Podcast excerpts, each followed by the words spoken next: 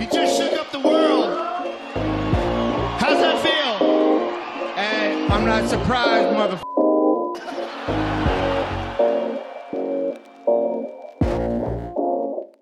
Välkomna tillbaka till Kan jag så kan du-podden. Avsnitt 56 med Anneli Mattsson. Och I detta avsnitt så berättar Anneli om hur det är att leva med bipolaritet, ångest och depression och ätstörningar. Vad jag kan känna är att det pratas väldigt lite om de problemen som Anneli har. Så därför är det i det här fallet en ära för mig att få sitta ner med henne och höra hennes historia. Där vi tar oss från den djupaste dalen till den högsta toppen egentligen. Innan ni får avsnittet så vill jag benämna ett varumärke som hjälper mig med allt jag gör.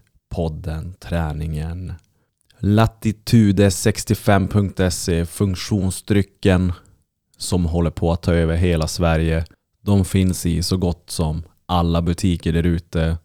Och som sagt, gå in på deras hemsida, beställ hem flak, ni kommer inte ångra er. Följ dem på Instagram, Latitude65 hittar ni där. Ofta tävlingar, ofta utdelningar med dryck. In och följ.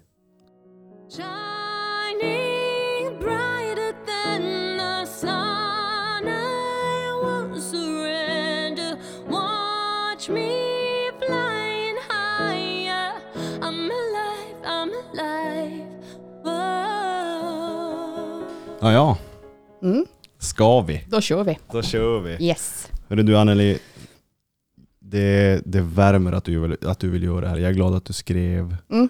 Och som jag sa också innan, jag är supertaggad på att få prata med dig. För det här är ju ett ämne som vad jag kan minnas inte är lyft i min podd i alla fall. Nej, sen är det ju ganska tabu att prata om det. Är det det ännu? Ja, jag kan tycka att det är lite, alla vill inte prata om det. Okej. Ja, Eh, för det jag också pratade med en kompis innan det här när jag sa att du skulle gästa och liksom vad det handlar om.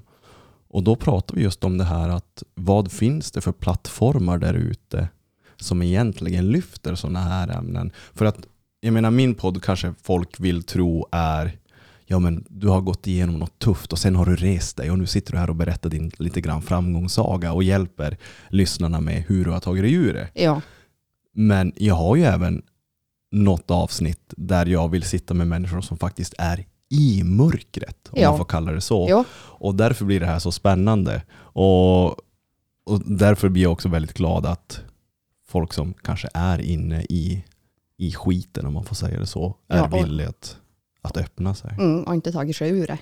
Precis, Ja. för då får man ju också en helt, en helt annan bild.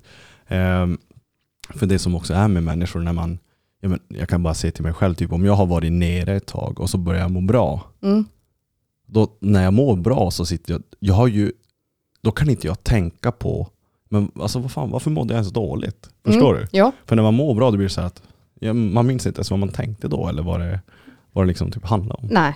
Det, det är som svårt att relatera till under tiden man mår bra. Att, ja, men, nej, men jag har ju aldrig mått dåligt. Ja, exakt. Men jag tänker för lyssnarna, Mm. eh, jag tror att du presenterar dig bäst själv.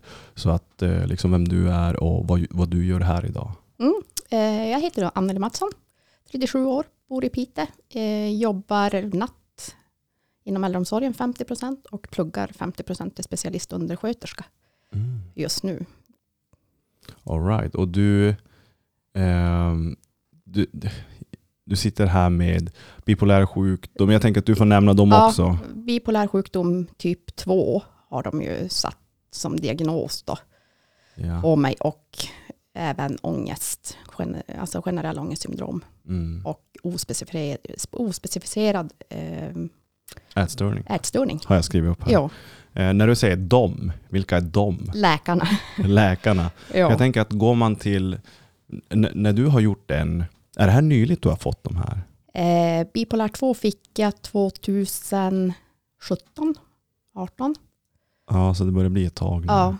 Så nu har ju som läkarna börjat ifrågasätta det där lite grann, ifall jag verkligen har det eller om det är något annat. Okej. Ja, så det är lite spännande. Mm, för, för jag tänker som vi pratade också innan, att när det blir ett sånt här intressant ämne, eller ämnen som, Mm. som det blir då med dig. Eh, jag tänker att vi, vi måste börja någonstans och jag ska försöka inte sväva iväg. Men vad, Hur, hur, vart började allting? Allt började egentligen när jag separerade eller skilde mig 2014. Mm. Så hamnade jag i en jättesvacka och började må jätte, jätte dåligt. Eh, och då pratade jag med en kompis som bara, ja men du låter nästan som att du är bipolär du också, kolla upp det. Mm. Så då sökte jag mm, på hälsocentralen och eh, läkaren bara, ja men det här är ju någonting vi inte kan hantera utan vi skickar det vidare till psykiatrin. Och Malin då på psykiatrin, ja, de gjorde en utredning och kom fram till då att jag hade nog bipolär 2. Eh, och så började man ju medicinera utifrån det. Och sen dess har det ju varit en berg och dalbana med olika mediciner, in, insättning, utsättning. Eh, så att de har ju som in, än idag har de ju inte hittat någonting som fungerar, som Mm. stabiliserar mig dagligen Okej. utan att jag får mina svackor. Har, har du haft, jag menar om det kommer efter ett uppbrott, eh, de här svackorna, har du någon gång tidigare i livet haft, eller alltså visat tendenser för dig själv att du har lätt att kanske, Jag har haft eh, små depressioner, alltså till och från sen gymnasietiden. okej. Men inte, då har jag som kunnat sluta med medicinen och så mått bra och hållit det stabilt. Mm. Men hon, hon sa ju det även läkaren att det kan bryta ut en sån här sjukdom när man går igenom någonting större i livet. En, någon dör, en separation. Alltså, Mm. då kan det som bryta ut. För det som är med, med bipolär sjukdom, du får väl rätta mig om jag har fel, det är det att den kan komma när som helst. Ja, Och det är väl mer ovanligt att, vad ska man säga, yngre än typ 20 får det. ja, Det är väl mer vanligt när man är efter, ja, lite när man blir vuxen. ja, att det bryter ut. Ja, Undrar, undrar vad det, vet du vad det beror på? det vet jag faktiskt inte. Nu har jag ju är det två kompisar som också är, har är bipolär 2, eller bipolär 1 och 2. Mm. Och det märks ju på mig och hon som, har, hon som är bipolär 1, hon har ju mer maniska perioder än vad jag har. Jag har ju Okej. mer nedåtperioder än vad hon har. Okej, Mm. vill du berätta vad skillnaden är eh, för lyssnarna mellan typ 1 och typ 2? Typ 1 då har du ju mer maniska perioder i livet än vad du har depressioner. Jag har ju mer Ah. depressioner än maniska perioder. Okej. Och de gångerna jag kanske känner mig lite uppåt, då kanske jag är i normal sinnesstämning. Jag kan som inte se skillnad riktigt.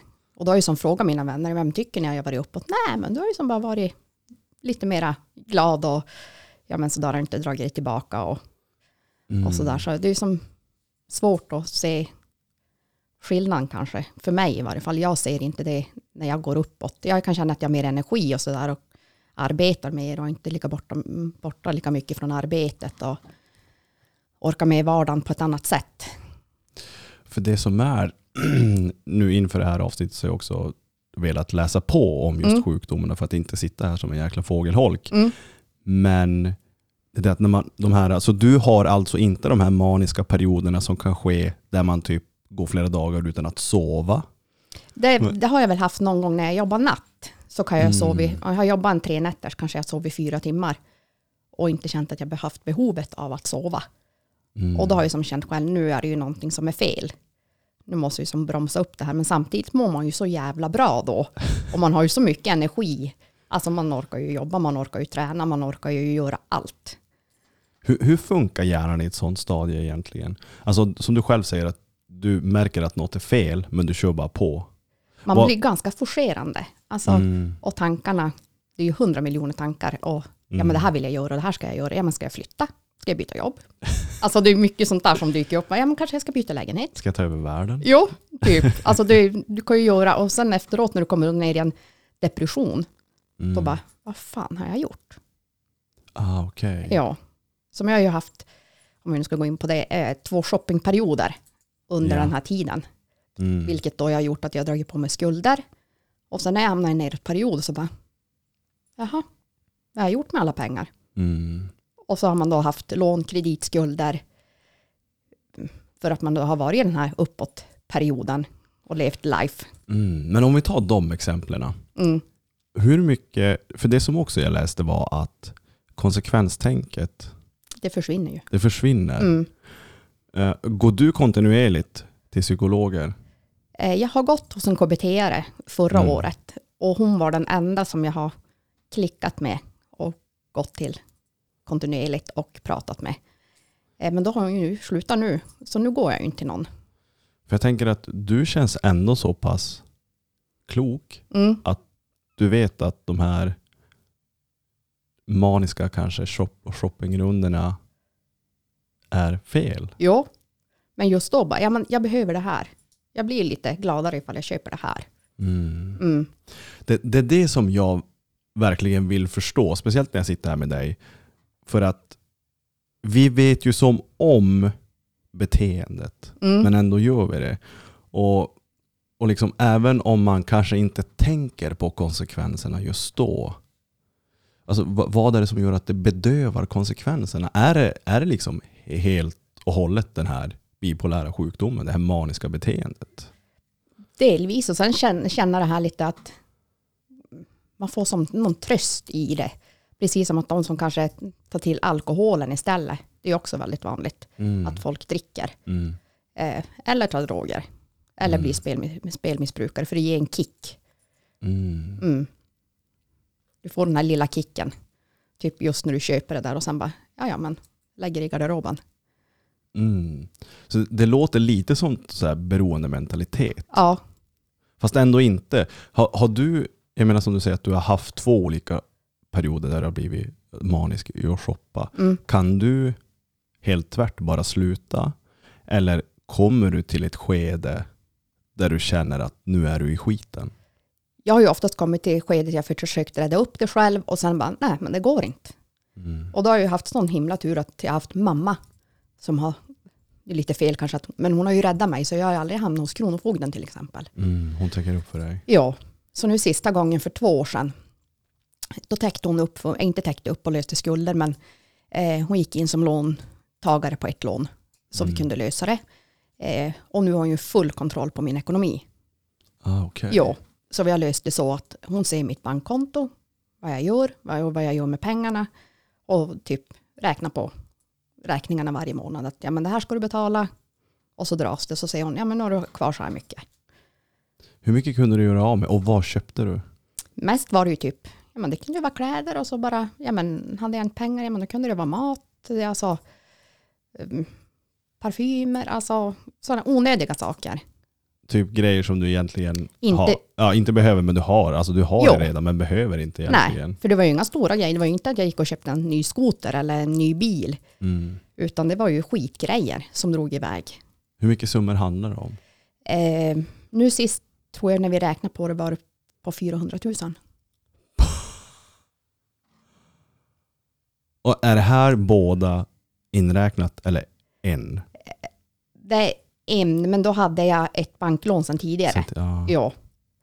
Så totalt tror jag när vi satt och räknade den hösten, tror jag vi landade på 400 000. För då var det jag, mamma och Elin, en kompis, som satt och räknade på det för att reda ut allting. Eh, så då landade det på 400 000, tror jag totalt. när du får ett när, när du får det liksom på papper framför dig, allt svart på vitt. Då Vad- blir det ju skitjobbigt. Mm. Vad vad vad vad är det som blir jobbigt? Alltså vad är det som händer i dig? Typ, vad för fan har jag gjort? och jag har ju inga grejer för det. Mm. För det hade ju varit en annan sak om man hade köpt, ja men som sagt, en skoter eller en hoj eller något. För då kan jag ju sälja det Mm. och få pengar för det. Mm. Men när man inte har några grejer och kunna sälja och få tillbaka pengarna. Men alltså fan, hur mycket kläder köper man för 400 000? Men då hade det ju pågått, som man säger, som under två års tid. Så hade jag hamnat på de skulderna. Mm. Då kunde jag ju shoppa även när man kanske var i en liten neråt period. Mm. Ja, men jag tar det här kreditkortet. För att köper jag den här tröjan så blir jag lite gladare. Det känns lite bättre. Mm. Vad är det för... Är det typ sms-lån? Eller jag tänker att vilken bank vill låna ut? För, för jag tänker att om man tar så mycket lån, ju mer kreditupplysningar som görs på det, ju sämre typ status får man ju. Jo. Och det blir svårare att ta till exempel. Jag har, jag har ju alltid haft ett fast jobb. Och aldrig haft någon anmärkning på att jag varit sen med betalningar eller någonting sådär. Mm. Så jag har alltid hållit mig flytande. Så jag har alltid haft, det har alltid sett bra ut. Okej. Ja. Så att du kunde lura systemet lite där? Ja, lite grann sådär. Ja, men haft något kreditkort och så har det blivit för mycket på det, men då har man höjt upp, tagit ett nytt banklån typ Mm. och höjt upp det Mm. för att lösa det så. Intressant ändå. Men, men om man, e- efter du har, efter du har breakat med, eh, med din partner och liksom eh, du nu går till sjukvården så att säga, Mm. psykiatrin och det. Hur länge pågår till exempel en utredning? Jag mig att det gick ganska fort när jag var där. Det tog bara några veckor så hade hon satt eh, alltså diagnosen på mig. När du säger hon, var det hon du klickade med? Nej, det här var ju Malin, alltså överläkaren, som Ah, gjorde. Jo. Ja, okej. Eh, så det tog ju inte länge. Och då började de ju laborera med mediciner för att se vad som passade. Kände du att du liksom gick till sjukvården? Eh, Kände du att du blev bemött på ett bra sätt? På, psyk- alltså på psykiatrin har jag alltid blivit bra bemött. Mm. För jag har vissa vänner och, och gäster som har gått till och, och fått hjälp och så har de fått ett piller i handen. Mm. Ja, där är dörren, jag tar det här pillret. Ja, Vilket i mitt tycke kanske inte är det optimala. nej. Men du känner ändå att du har Jo, alltså på psykiatrin har jag alltid fått ett jätte, jättebra bemötande och även när jag var in på akuten ibland. Jätte, jättebra jämfört med på hälsocentralen. De har Mm. som inte haft samma förståelse. Och, och när det kommer till mediciner och liksom det experimenteras eller vad man får kalla Mm. det. Eh, för, de, för lyssnarna som också kanske tar mediciner eller ska börja ta mediciner. Vad är det för mediciner du pratar om och vilka har du experimenterat med? Och det är ju en uppsjö. Alltså, men nu äter jag ju Venflaxin och Ergenyl. Det är nu alltså? Ja, ja. det äter jag. Och Venflaxinen har jag stått på sedan eh, jag fick diagnosen. Mm. Så den har liksom hängt med hela tiden. Vad gör den? Det är ju en stämningshöjande. Okej. Eh, ja, Det låter som ADHD-medicin. ja. Lite, det är inte riktigt, men det är en stämningshöjande. höjande.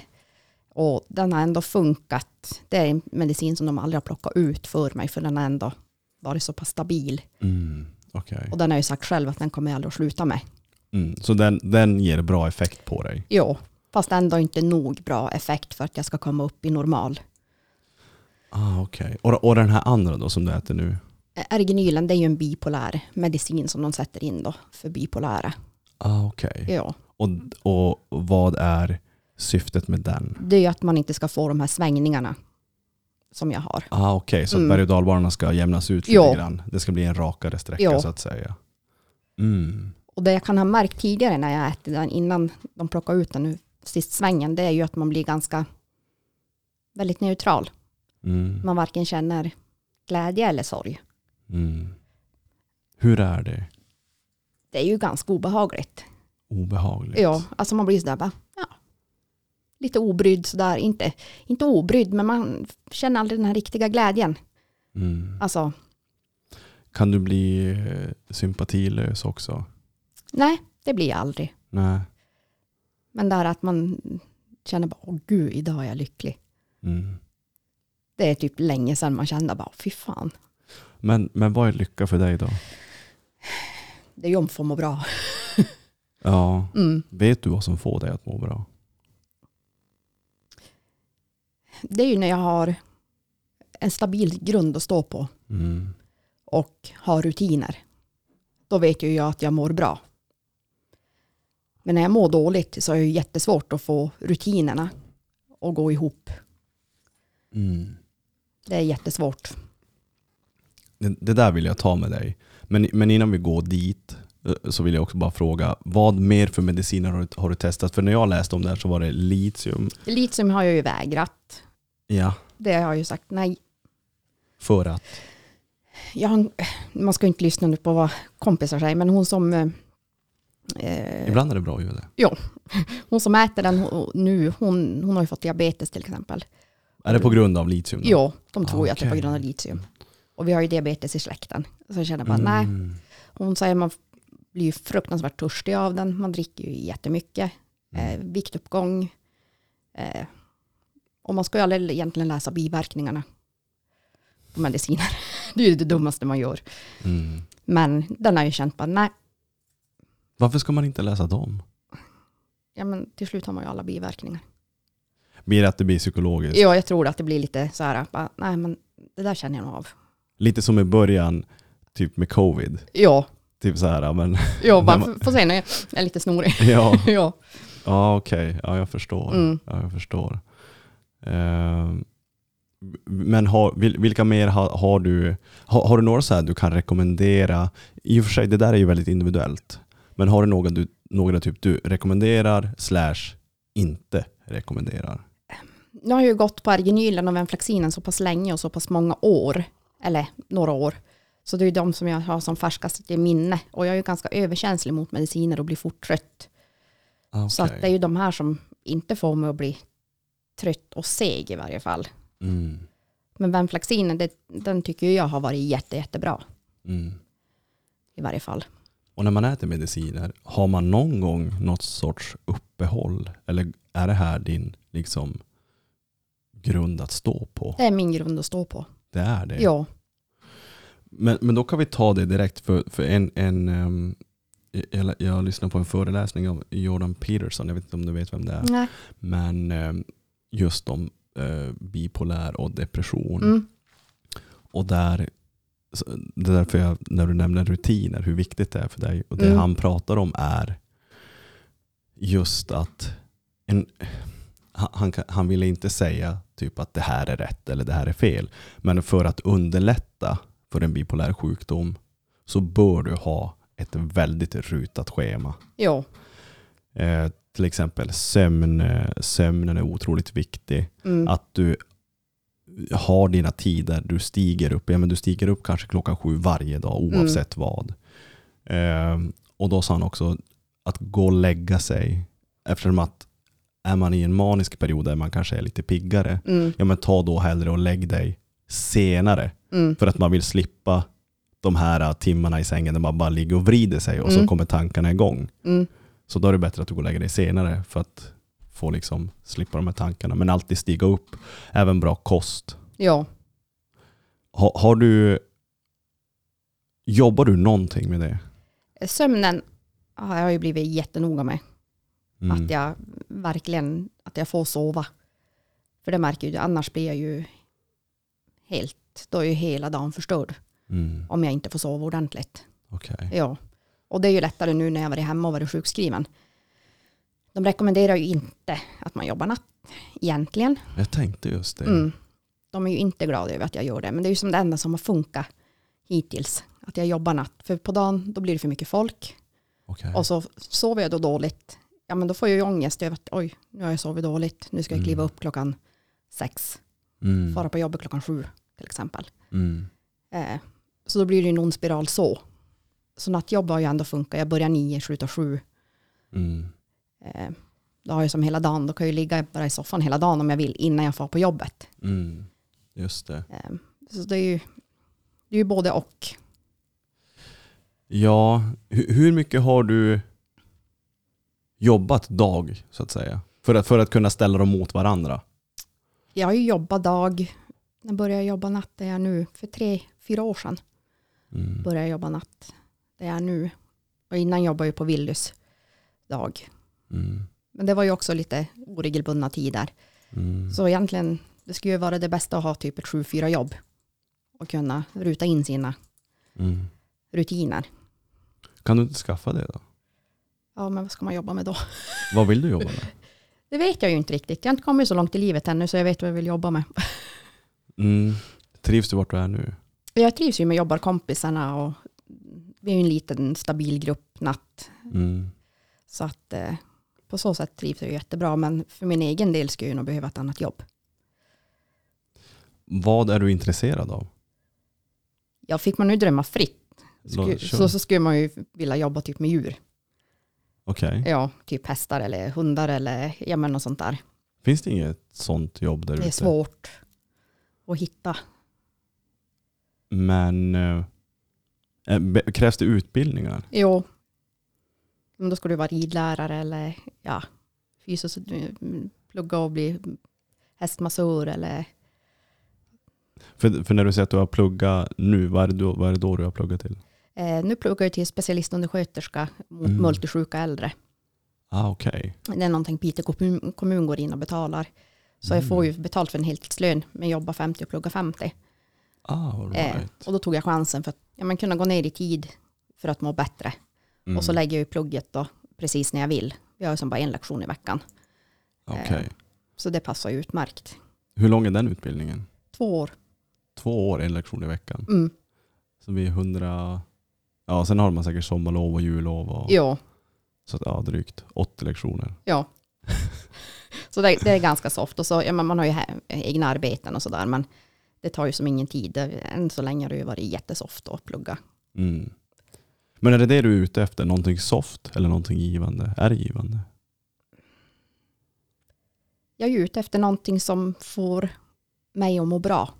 Mm. Som funkar i min vardag. Mm. Hur, vad, hur, mycket, hur mycket vet du om dig själv? Eh, för liksom, du, när du kom in här också, du sa du har varit uppe för det fan. Jag bara, ja, jag har varit vaken sedan kvart över fyra i, i morse. Eh, men för jag tänker att i ditt fall, hur, för, för mig är ju träning, stiga upp tidigt, meditera, Mm. läsa. För det får ju mig att må bra oavsett om jag vill göra det eller inte. Och så måste jag ju göra det. Hur hård är du med dig själv där? Jag har försökt nu senaste tiden att inte vara så hård. För jag vet att det framkallar ångest. Mm. Så jag kan ju sätta upp för mig själv. Nu ska jag träna fem dagar i veckan. Och så blir det bara tre. Okej, Då får jag ju jätteångest. då skäller du ut dig själv. Ja. Mm. Så när jag pratade med min KBT då sa hon ju att var inte så hård mot dig själv. Alltså, Mm. tränar du en gång i veckan, ja men se det då som att det är jättebra att du har varit en gång i veckan och träna. Mm. Istället för att tänka, ja men jag ska ju varit fyra till. Mm. För så var det ju innan jag fick diagnosen. Mm.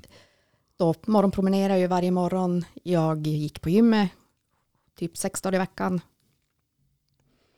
Jag hade full kontroll på maten. Alltså, allting var under kontroll. Mm. Och sen bara, puff. Från en dag till den andra så var det ingenting. Ja, men, men låt oss grotta i det då. Mm. För, för att jag tycker att puff, Mm. om man bryter ner det så kan det bli mer än bara ett puff. Jo, Vad hände under ditt puff? eh, vi separerade ju. Eh, jag var bostadslös i två månader, bodde hos en killkompis. Ja. Eh, och så fick jag min lägenhet i mars och flyttade in där. Mm. Och då var ju allting redan upp och ner. Alltså, Det var en känslostorm. ja. På vilket sätt tog det slut? Eh, Var jag, det- var, jag var otrogen. Ja. Ja. Eh, och som jag sagt, det, har ju varit mitt, det var mitt sätt att ta mig därifrån, för jag var ju inte nöjd med det jag hade. Vi var ju gifta och hela köret, han jobbar mycket borta och, Okej. och sådär. Hur länge var ni med varandra? Ni, åtta eller nio år. Det är länge. Ja. Hade, hade du kommit till ett skede där du inte vågade ta steget att lämna själv? Utan Jag du ville- tror det. Mm. Jag vågade inte ta steget och säga att nu vill jag separera. Utan då var jag otrogen. Han fick reda på det, inte genom mig utan genom en annan. Mm. Eh, så det vart ju väl, hela skilsmässan vart ju väldigt stormig. Det var ett sånt där breakup Ja. man helst vill undvika. Ja. Och jag ångrar mig efteråt, det var ju väldigt fel och jag är emot att vara otrogen. Mm. Men det var mitt sätt att ta mig därifrån. Okej. Eh, Har, har, du, har du reflek- reflekterat över, över just det? Hur, hur du... För det är ju också en, en, en grej att eh, varför har man inte... Jag sitter inte här och dömer dig för att Nej. du är otrogen. Alla gör galna saker här ute i den världen. Men jag tänker att, att, att vad var det som gjorde att du inte hade ryggraden att lämna från första början? Var, var du rädd för typ att, att någonting skulle vad, vad, skulle, vad, vad var det värsta som skulle kunna hända? det är något som aldrig reflekterar över, men jag, jag var nog rädd för att lämna. Var du rädd att bli ensam? Jo, säkert. För jag har ju alltid varit typ i relationer hela livet. Okej. Och så där och ja, men stå på egna ben. Vi hade flyttat till Pite i den här relationen då, från Mm. Jokkmokk.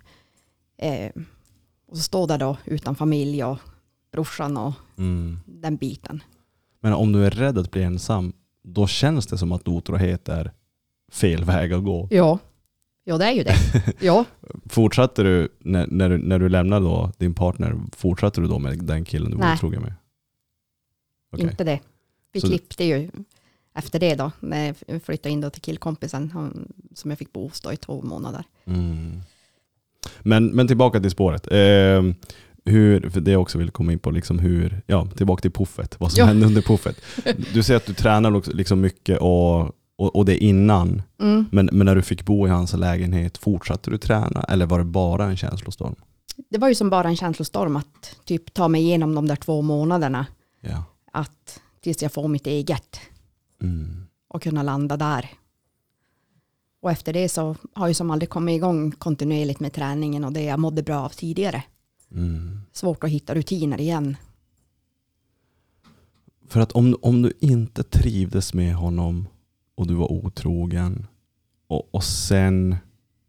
För, för jag tänker att är det inte då kanske ett tecken på att det borde vara lättare att komma över honom om du ändå inte trivdes med honom? Jo, då kom jag ju över han fort, för han gick ju vidare ganska fort också. Mm, Eh, så det är ju inte det att, man, att jag saknade han så. mm, Men det var ju ändå det här att stå själv. mm. Efter nio år, ja då står man där själv. Jaha. Allting blir ju som annorlunda. Ja, jag, jag kan bara reflektera till tre år. Så Ja. Jag vet inte hur nio år känns. tre år var tufft nog att lämna. Så Ja. att, eh, jag, jag förstår där att det blir ju en jäkla helomställning. Jo, Och, och nu tänker jag bara tillbaka på hur jag tänkte. Och det var ju det att nu måste man hitta sig själv igen. mm. Och det är ju inte det lättaste. nej, Och vem fan är någon att säga hur man, vad som är rätt och fel, vilken väg man ska gå för att hitta sig själv. ja. Det är ju det är ju sjukt svårt. Jo, det är jättesvårt. Men vad du, vad du, har du alltid varit nyfiken på att om, om, du, om, du, om du blir down, du, du, du får det här uppbrottet och det är tufft. Mm. Tillåter du dig själv att typ bara stanna där nere i mörkret? Eller är du nyfiken på hur du faktiskt kan ta dig ur det? Jag har ju alltid försökt motarbeta det. Mm. Att jag är hemma typ två dagar från jobbet, sen, sen är det bara att köra på. Och så har jag kört på och så har det bara rasat. Nu orkar jag inget mer. Mm. Och så, vilket då resulterar i att det blir en längre sjukskrivning. För att det inte har funkat. Mm. Ja, makes sense. Och, och då, jag har ju en förmåga att bara köra på tills det totalt rasar. Tills det jävla Ja. tills det. Kom du igång någon gång med, med träningen och kosten och det under de här åren som har varit nu? Alltså sådär någon gång ibland. Mm. Sådär. Men då efter jag gjorde eh, min gastric bypass så känner jag ju som ingen hunger någon längre. Mm. Så jag kan ju gå som en hel dag utan mat och ändå vara pigg. Ah, Okej. Jag känner ju inte att jag behöver äta. Ah, shit. Och för de som inte vet vad en, en eh, bypass är med gastric, vad, vad vill du? Vad, Det är ju en magoperation för Mm. att gå ner i vikt. För då gick jag upp, jag gick upp 40 kilo under, från det jag separerade till 2019. Och försökte då igen då gå ner de här kilorna, mm. men det gick inte. Varför? Jag tror jag var så stressad eh, inombords. Mm. Så det spelar ingen roll vad jag gjorde. Du mådde inte bra? Nej, jag mådde inte bra. Nej. Och då stannar kroppen upp och bara, nej, nu går vi på spar här, Okej. ifall att det händer något mer. Mm. Eh, så då, då, då, då sa jag till mamma, nu söker jag den här operationen och går den igenom, då gör jag den. Mm. Och det är ju det bästa jag har gjort. Okej. Mm, jag har ju mått jättebra på den, förutom att jag inte känner någon hunger. Och inte har någon mat, jättematlust. Visste du om det innan du gjorde operationen? Att det skulle bli så? Inte att jag inte skulle känna någon sån jättematlust eller vara sugen. Nu kan jag ju bli sugen på någonting sådär någon gång ibland. Bara, Åh gud vad jag är saltsugen. Mm. Men då saknar ju säkert kroppen någonting. Eh, så att det är därför jag blir saltsugen till exempel. Mm. Ja, precis. Jag tänker i ett sånt skede borde det vara extra viktigt för dig att hålla koll på, alltså verkligen ruta in din kost och... Man ska ju göra det. Mm. Och jag har ju inte lyckats med det inom två år. För de säger att man ska äta typ sex mål om dagen. Ja, okej. Det, där- det där det går också. Jag är inte Ja. riktigt för det. Nej, men för att magen ska ha någonting att jobba med hela tiden. Eller Okej. i princip. Är det det man vill uppnå i ditt fall? Jo, att man inte ska hamna på svält heller. Mm. Det kan ju bli så att jag går ner så mycket så jag måste börja dricka, vad heter det nu, näringsdrycker. Mm. Och det är ju som inte så bra det heller. Rubbar det där någonting ämnesomsättningen? Att, eh, jag menar, tänk på hur, hur kroppen tar upp till exempel proteiner, kolhydrater, vitaminer. Jo, jag får ju äta B-vitamintillskott. Ja, du måste göra Jo. det. Mm. Och det ska man ju som göra hela livet i princip. ah, Okej, Ja. fan vad intressant. Mm. Ja, jag, jag, det där har jag verkligen inte läst på om och jag visste inte att du hade gjort den här Nej, det kanske jag aldrig sa åt den heller. här bypassen. Mm. Eh, jag som är väldigt intresserad av kroppen och Ja. liksom, eh, med kost och sådär och hur det, hur, det, hur det påverkar oss. Mm. Så, ja, shit. Men, men om, om, vi, om, om vi fortsätter där då, hur kan, när du håller en bra kost, Mm. vad äter, vad äter du då? Eh, Till frukost ska jag äta typ lite yoghurt, typ. kanske två, max två deciliter får jag i, men sen är jag ju jättemätt. Får du den här typ illamående-känslan? Ja, då får jag så bara, "Åh, fy fan vad äckligt. Nu vill jag inte Fan ha. vad det låter, shit vad det låter ja, spännande på något sätt. Så här, för, ja. Jag jag äter ju typ mindre än min bästa kompis barn. Och de är ju typ fyra år. Alltså, man äter ju typ barnportioner när man äter. Mm. Men en bra dag, då, då kan jag äta frukost, lunch, middag, kvällsfika. Mm. Eh, Och må bra av det. ja, och må bra av det. Känner du skillnad direkt när du håller det? Alltså i till, till exempel mående och... Inte så där markant gör jag ju inte. Ja, du gör inte det. Nej, Det kan ju säkert också vara en, en bidragande orsak till att det kanske är lättare att slippa på den lite. ja, Att man, jag, jag, jag känner ingen, jag får ingen effekt av att äta. Varför Nej. ska jag då göra det? ja. Och samma, jag blir inte nå- man känner inte att man blir något piggare. Nej. Om man vet att äter, äter, äter jag för mycket, då börjar jag må illa och få ont i magen. Mm. Ja, men då slipper jag ju hellre det och hoppa över och äta. Det där, ja, jäklar vad intressant ändå. Shit vad jag vill, vill vara i din hjärna. jag känner hur det känns. För jag vill verkligen, jag vill verkligen förstå sådana här grejer som Mm. man själv inte vet hur det är Mm. egentligen. Uh, ja, sjukt intressant. Ha, har du någonting så här typ om just din bipolära sjukdom som du känner att ja, men det här är viktigt att ta upp eh, för, att, för att folk ska kunna kanske relatera till dig och ta hjälp av dig och kanske känner igen sig? Jag har ju även ett självskadebeteende när jag får den här jätteångesten. Mm. Och det är ju samma där, där kan ju folk kanske ta till alkohol som ett självskadebeteende. Mm. Men jag har ju att jag har skurit mig själv. Ah, Okej. Ja. Eh, och det kan ju kännas, ja men du är 37 år, du borde ju veta bättre. Ja, visst, men du dricker alkohol, du borde ju veta bättre. Det skadar dig på samma sätt. Ungefär. Mm. Fast mitt syns på ett annat sätt. Mm. Eh, men det är ju för att lätta den här ångesten. Mm. När jag mår som sämst och inte vet var jag ska ta vägen min egen kropp. Mm. Och jag känner bara paniken, vad ska jag göra? Mm. Eh, och då efter man, säkert som många kan relatera till som har gjort det, att eh, efter man har gjort det så känner man bara, gud, nu fick jag det här lugnet i kroppen. Nu känns det bättre. Mm. Men sen då? Jag har ju aldrig haft typ ångest över att jag har gjort det, eller skämts för det. Nej. Utan jag har ju ändå kunnat ha typ shorts på mig på sommaren. Som förra sommaren hade jag skurit mig och hade plåster på benet. Och någon frågade vad det var. Jag sa jag skurit mig själv, jag har ett självskadebeteende. Ja. Sen Mm. var det ju ingen, det var inte något mer med det. För det är ingenting jag skäms över. Men det känns som att du har, du har väldigt lätt att prata om det. Jo, Hur kommer det sig tror du? Du har inte den här skammen nej. som kanske vissa har. För jag vet att det är fler som är i samma situation som, eller jag kan tänka mig att fler är i samma situation och som skäms över det. Uppe, ja, det, Ja. det tror jag. Mm. Vad, vad är det som sker? Har, har, du, har du reflekterat över när du kommer i de här sjukt mörka perioderna? Mm. Va- varför kommer de? Och hur kommer de? Är det viss årstid eller? Jag kan ju som se att det är lite årsbundet. Mm. Som nu januari, februari var det samma sak förra året. Kanske inte lika djupt som i år. Eh, och sen sommaren brukar också vara en tung period. Medan hösten går jättebra. Mm. Vilket är konstigt, för hösten brukar ju vara tung för många. Mm. Men sommaren och så nu januari, februari. Då går det bra från typ mars, april, maj och så kommer sommaren och så blir det tungt igen. Mm. Eh, Vet du själv vad det är som händer? nej, Har du pratat med dina, din, liksom, Jo, jag, jag pratar med KBT om det och vi har inte kunnat sätta fingret på vad det är som gör det. mm.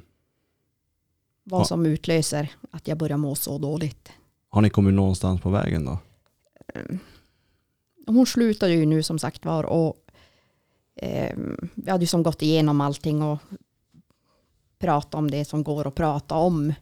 Och Okej. vi kom som inte någon vart i det. Eh, utan hon sa att det är ju som att försöka kämpa. Försöka kämpa. Det, det låter lite hopplöst. Mm. Eh, men, men om du får säga åt mig då. Mm. Vad, vad, vad, vad är det som, om, om du kan tänka tillbaka och under de här perioderna när de kommer, hur kommer de? De kan ju komma från en dag till den andra. Det eller bara- eller det- från en timme till den andra. Det är det som är lite skrämmande. Jag kan må jättebra på förmiddagen. Mm. Eller, ja till exempel. Sen på eftermiddagen är det skit.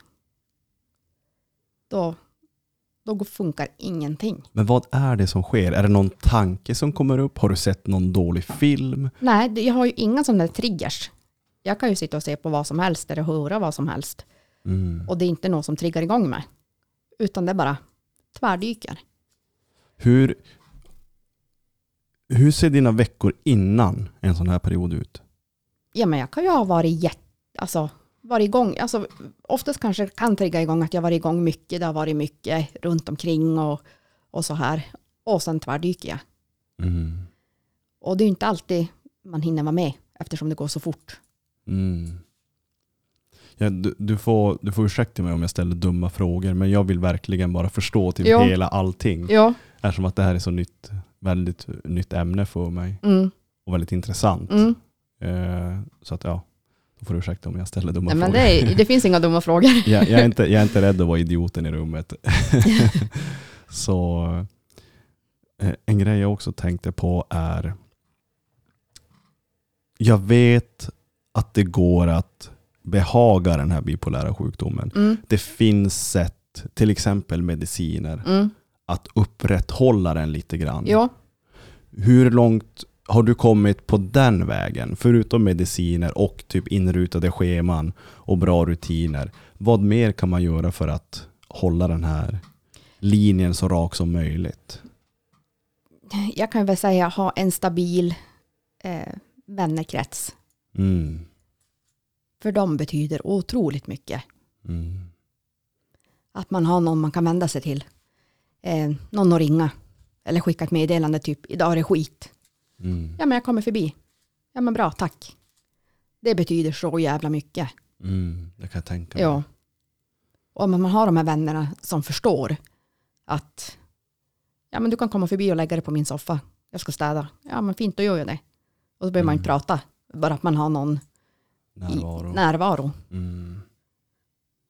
Ja, bra att du säger det. Mm.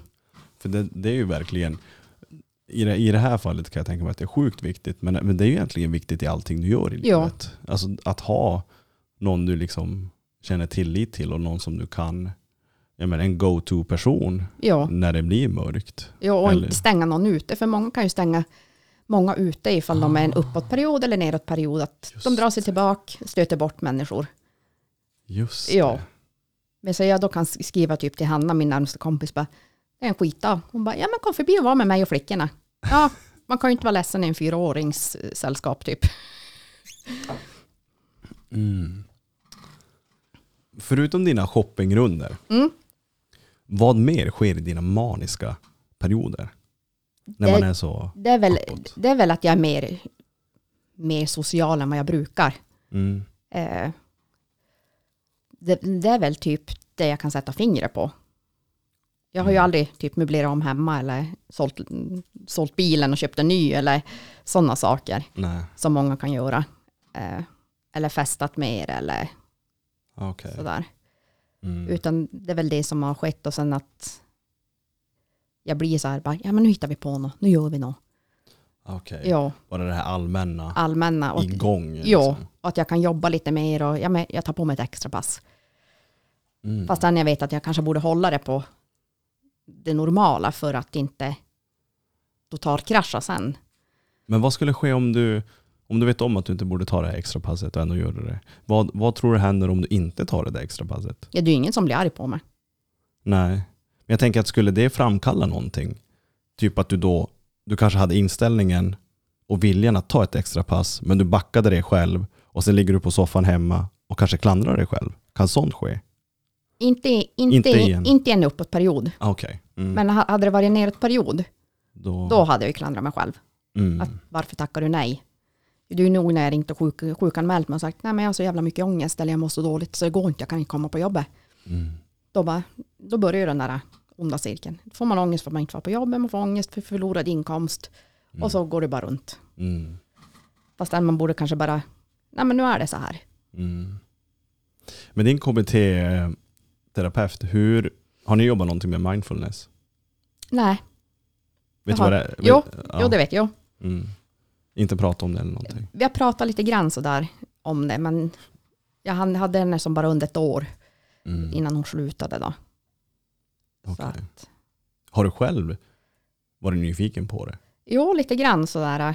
Men då är det så här, lite för rastlös. Ja, man tror att man är det. Jo, För det var också någonting jag läste här, när jag Mm. läste på inför det här, att eh, mindfulness, liksom med fet text och understruket, jo, eh, det är sjukt bra. mm, Hjälper väldigt många. jo, I alla fall en bit på vägen. jo, Det är därför jag också ville fråga dig om just det. För det är ju någonting jag gör, liksom meditera, Mm. mindfulness. Och, för det var ju min psykolog 2018 som hjälpte mig med det och fick in mig på det. jo, Och det hjälpte ju en avsevärt. mm.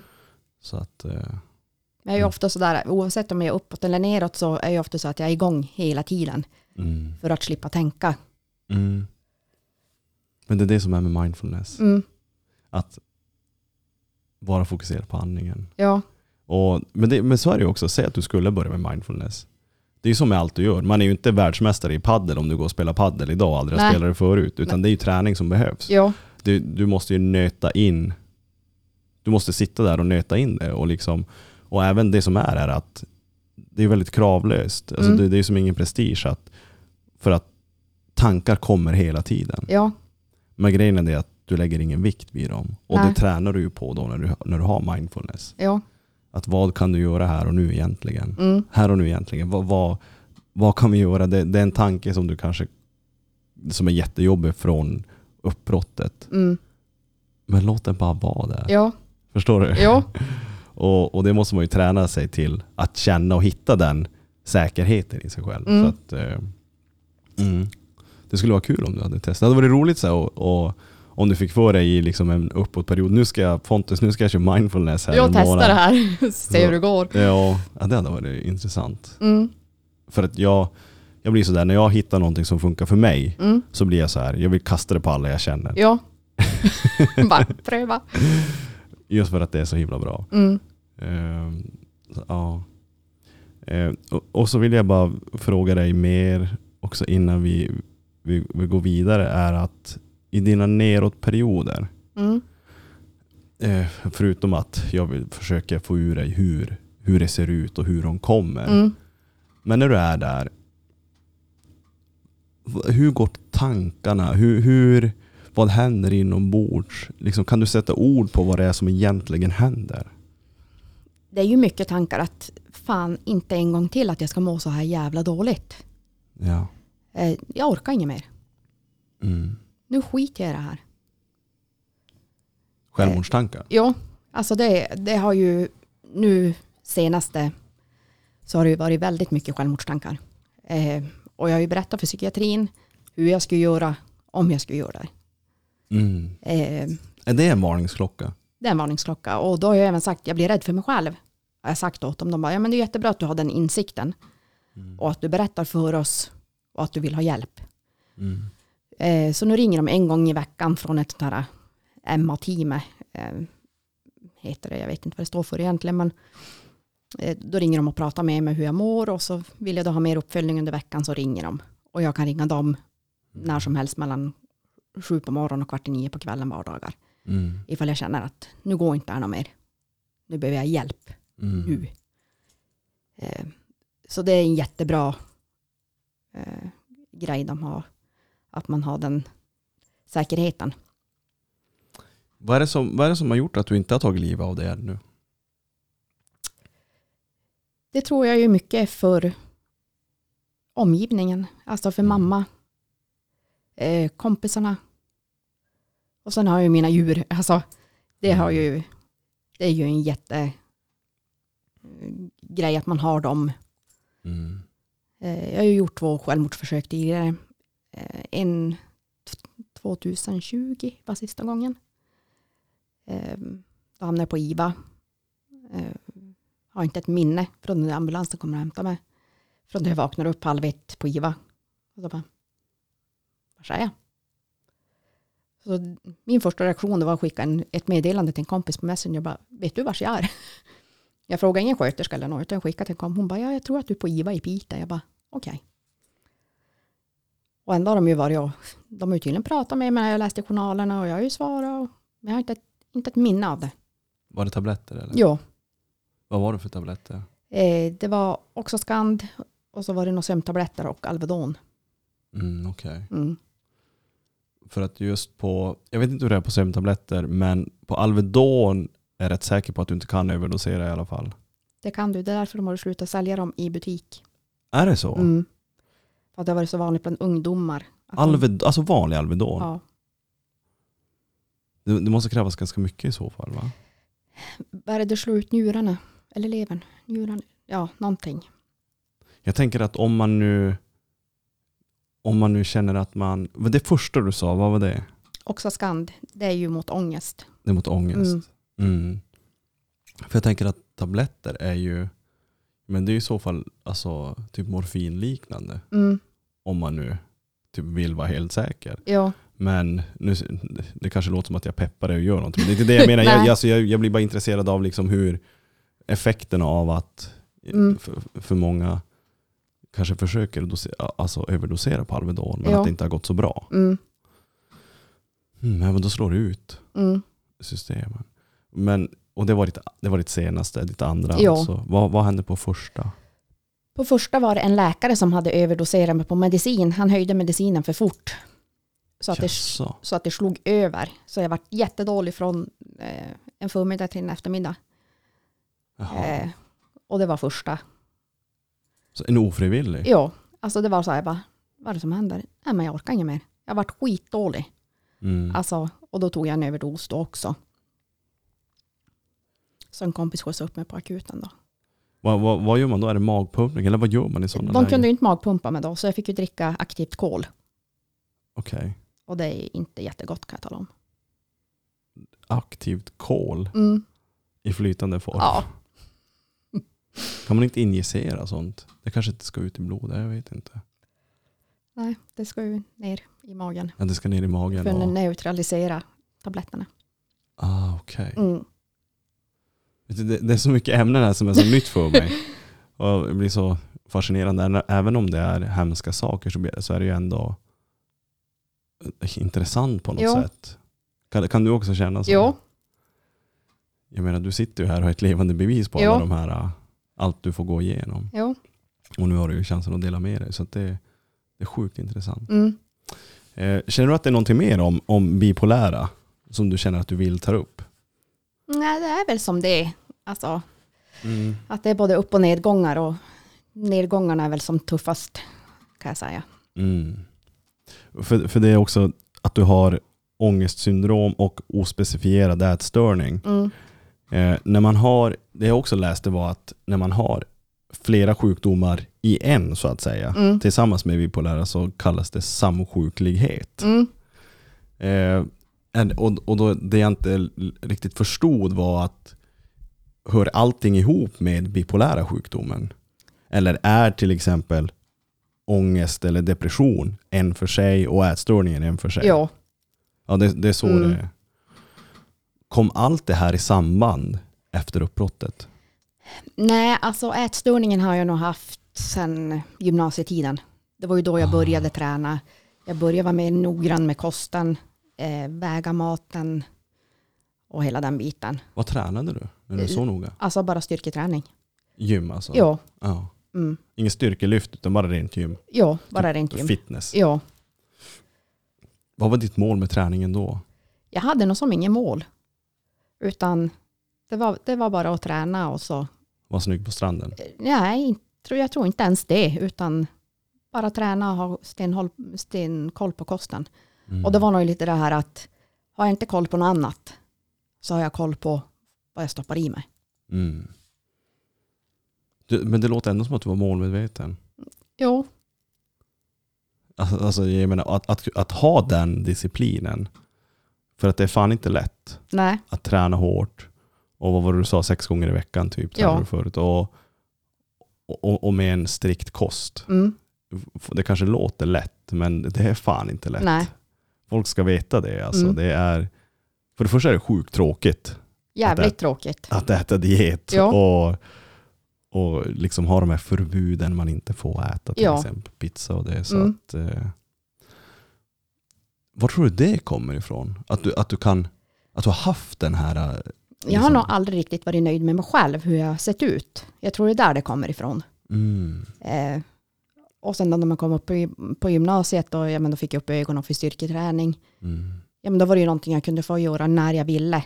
Det var inte en inbokad tid, mm, utan jag kunde fara på morgonen eller ja, när jag inte hade skola.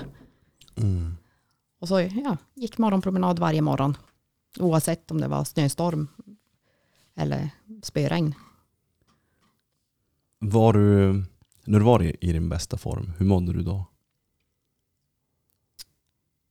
Jag vet inte om jag mådde så mycket bättre.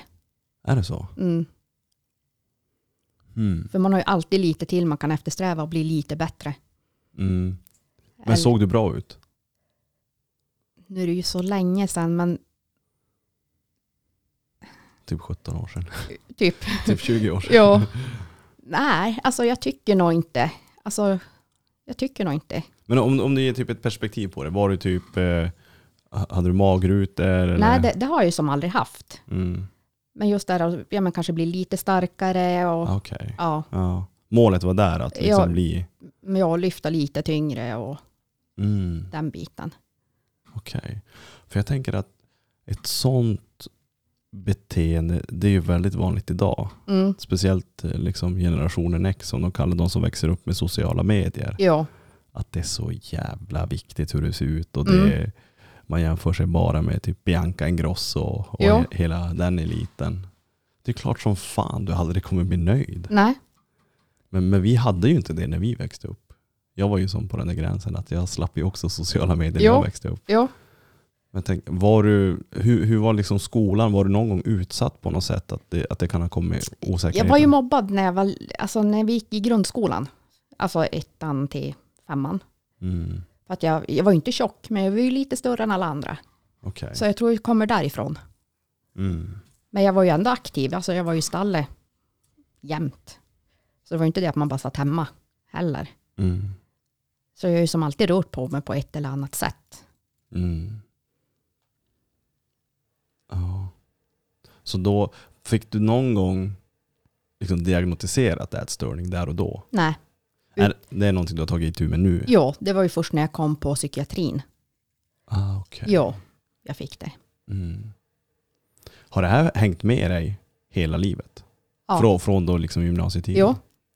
Har ju alltid haft, ja, men även under tiden jag ja, men var gift och var sambo då, då ja, men, gjorde jag matlådor varje söndag, vägde upp det och så i kylen. Jäklar. Ja, Kyckling och ris. typ. Eller lax och ris. Jäklar. Vägde du liksom, räknade du kalorier också? Nej, jag vägde ju bara. Du bara vägde? Ja, Ja, precis. Jesus. Har du un, under den här tiden när du har liksom haft det här, äh, jag vet inte om jag vill kalla det drivet, men har du någon gång funderat på hur bättre det egentligen fick dig att må? Eller var du bara i någon sorts dimma att du tror att det här kommer få dig att må bättre? jag var nog i dimman där att det här får ju mig att må bättre. Fast jag all, all, alltså, hade pressen på mig att du måste fara på gymmet idag. Det är fan en tjock dimma om den håller så många år. Ja, Men vill du, vill du förklara för både mig och för lyssnarna mer specifikt, vad är en ätstörning? Nu fick jag ju ospecifik eftersom jag varken, jag spydde ju inte upp maten. Nej. Eh, visst, jag hetsåt ju, det gjorde jag ju. Men då kompenserade jag ju med träningen istället. Och tränade lite hårdare, lite mer Okej. efteråt. Mm. Eh, och aldrig något laxermedel eller någonting inblandat heller, som många kan blanda in i det. Eh, så därför fick jag ju ospecificerad. Mm. Vad kunde du hetsäta? Åt du typ bara en, en extra matback? Eller var det godis? Ja, det var ju typ antingen ja, fikabröd eller godis. Alltså typ tills jag började må illa. Mm. Och sen bara, oj, ja, där kom, där kom ju ångesten som en käftsmäll. Åh, Eh, och så var det ju bara nästa dag, då var det ju bara tillbaka på, på matlådor och gröt till frukost och, och så köra på. Mm. Och så några dagar och så, ja men, fallerar det ju. För då orkar ju inte psyket. Och så var man tillbaka på ärtsätningen en dag typ. Och så tillbaka igen. Fast i och för sig, nu, när, jag tänker på det, liksom, du är ju också i den åldern där förr i tiden, ja men säg 90-talet, början av Mm. 2000. Det var ju lite skamset att söka hjälp. Att må dåligt fanns som inte på kartan. Nej, Utan det var bara, hörru du, ruska upp dig. jo, Vad tror du att du håller på med? jo. Och så, och så har det väl varit lite när jag berättar för mina föräldrar nu hur jag har mått och sådär. Ah, okej. Eh, de hade väl lite svårt i början att greppa det. Mm. Eh, och speciellt pappa då som är äldre. Men det är ju nu på senaste år de har förstått hur det verkligen är. Att det är så pass dåligt som det är i perioder. Och att man inte fixar jobbet eller man fixar att gå ut på en längre pro- promenad med hunden. Mm. Utan han får bara gå ut och göra sina behov och sen får han gå in igen. Vet, vet du vad jag tror det är med föräldrar? När du säger att, du, att de har börjat förstå nu Mm. mer vad det är. Jag tror att de aldrig kommer kunna förstå. Jag tror det är mer att de accepterar. Ja, ja så, Att- så är det nog. Jag tror att de accepterar Mm, att du mår dåligt. mm, Att du är den du är. Men mm. jag tror att de aldrig kan förstå. För att de kommer från en helt annan tid. Ja, Så tror jag i alla fall. Jag tänker bara på mina föräldrar. ja, De är ju dock, mamma är ju bara 16 år äldre än mig. Mm. Men, men det är ändå där, de är ändå från den tiden. Där Ja. det är liksom lån, villa, barn, ja. jobb. Jävlar om du försöker med något annat. ja. Och må dåligt, nej, nej, nej. Nej, det finns inte. Så att jag tror att det är mer, vi har i alla fall kommit dit där att de En kanske... acceptans bara. ja, Mm, och det är ju, bara det är ju en, alltså det är som ett, det är en vinst liksom. mm, För att någonstans så vill man ju, det är ju ens familj, det Jo. är ju ens föräldrar. Att ha deras liksom bekräftelse eller acceptans på något sätt, det betyder faktiskt väldigt mycket. Det ja, hjälper för då känner man ju stöttning från dem också. Mm, För gör man inte det, då blir det ju ännu mera ja, men ångest eller dåligt mående. Att mm, ja, men de förstår inte precis. hur jag mår. Mm. Ja, det är sjukt viktigt. Tänk dig också att har, har du haft turen att liksom ha en tight familj och bra relation med dina föräldrar? Ja. Mm. Mm, Jag kan tänka på dem, du vet, de som har förlorat sina föräldrar, de som har vuxit upp utan föräldrar. mm, Fan alltså. inte kul. Nej. Alla dras vi med någonting. Ja, Men just det, det är också en sån där grej som jag kan typ försöka förstå, men det är ju helt jävla omöjligt. Ja. Hur lyckligt lottad man egentligen är. ja. Att man har den där kärnfamiljen. ja, men som jag och mamma, vi hörs ju dagligen. Alltså, Mm. antingen på sms eller att hon ringer eller ja, har vi inte hörts på kvällen, då blir det så här, "Men varför har du inte hört av dig? Mm. Det måste ju kännas ganska bra va? Det är jättebra. Då är hon förmodligen också en del av din, den här cirkeln du pratar om. Ja, Att, att ha liksom, folk nära. Och, ja.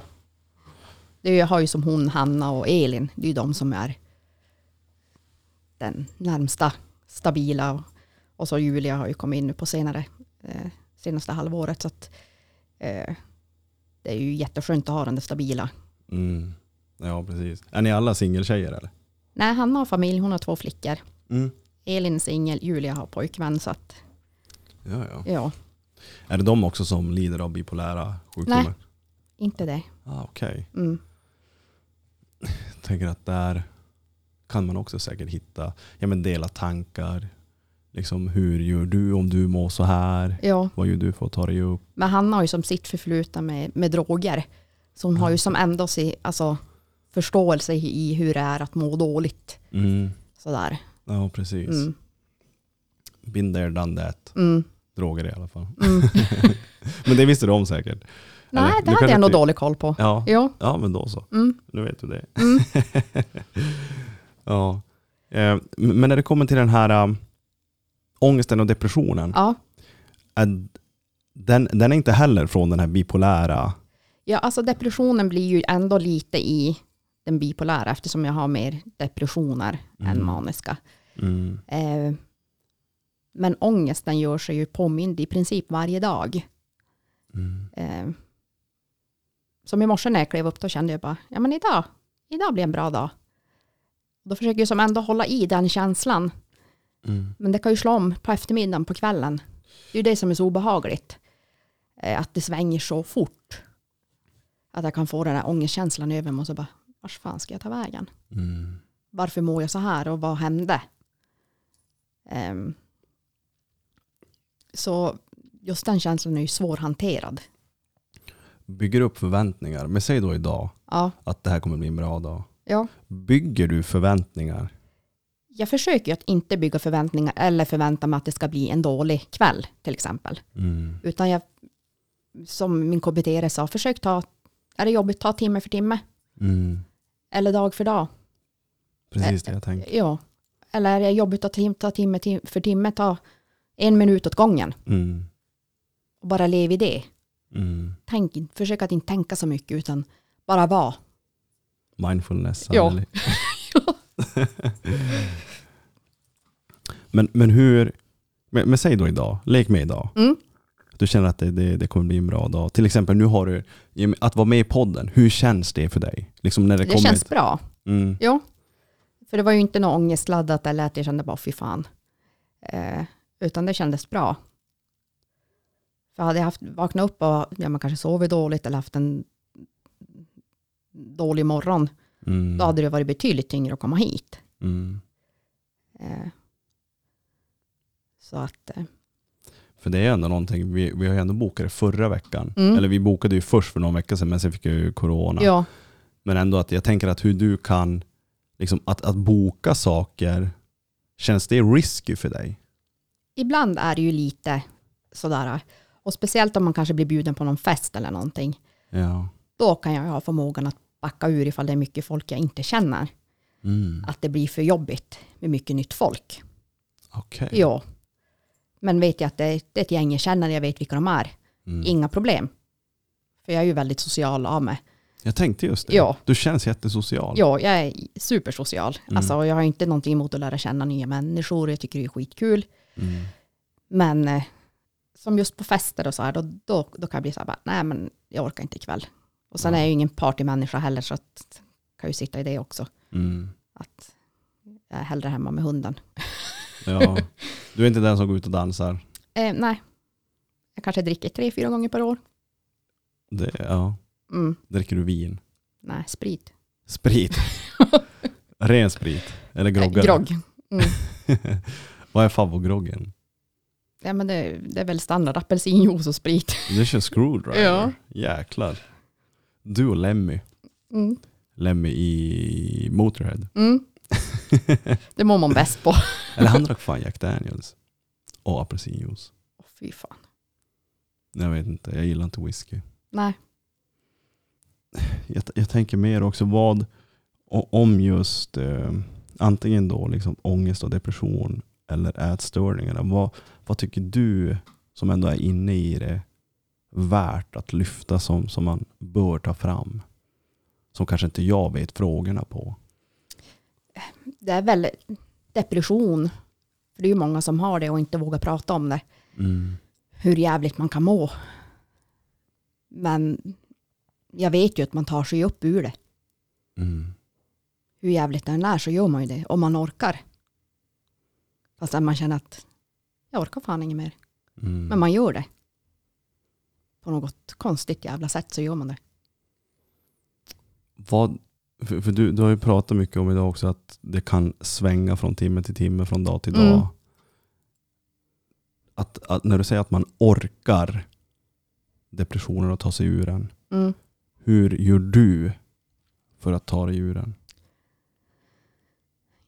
Jag försöker ju att, ja men som sagt, umgås med de som får mig att må bra. Mm. Och de som ger mig energi. Man har ju fått sålla de som tar energi. Mm. Och bara vara med de som ger. Och som verkligen finns där för en. Mm. När man mår dåligt. Eh, För det är ju de som lyfter en. Mm. Eh, Och göra saker man vet att man mår bra av. Och det man orkar. Mm. Och kanske sätta upp ett mål på dag att ja, men idag ska jag göra det här, jag ska dammsuga lägenheten. Ja men då har jag gjort det. Ja men det Mm. var ju bra. Ha, ha någon grej varje dag att det här ska du göra. Så att man inte blir bara liggandes. För det är fort man blir det. Mm. För jag, jag vill tro, efter allt jag har läst och liksom kollat upp inför det här, Mm. och även liksom jag som nu snart är utbildad terapeut och life coach. Mm. Jag tror ju verkligen på ett schema Jo. och liksom tasks du ska göra, så liksom grejer du ska göra varje dag. Mm. Däremot har, har jag kommit fram till att du får max ha tre grejer Mm. per dag, oavsett hur du mår. Mm. Tre grejer du ska bocka av, stora som små. Mm. Gör de grejerna Mm. och liksom över en längre tid Mm. och på så sätt kommer du då, det kan ju vara till exempel att bädda sängen. Ja. För många är det en vinst. Jo. Och, och kan du då bara fortsätta vinna Ja. varje dag så tror jag att du kommer att ta dig ur det sakta men säkert oavsett vart du än är Jo. i ditt mående. Mm. Men framförallt om du är, liksom, om du är låg Mm. så är det extra viktigt att man följer det här. Ja. För så är det ju lite grann i livet generellt också, att om vi alltid skulle lyssna på våra känslor och låta dem styra oss, Mm. då hade vi aldrig fått någonting gjort. Nej. Eller ja, när man är glad så köper man kläder för Jo. 400 000.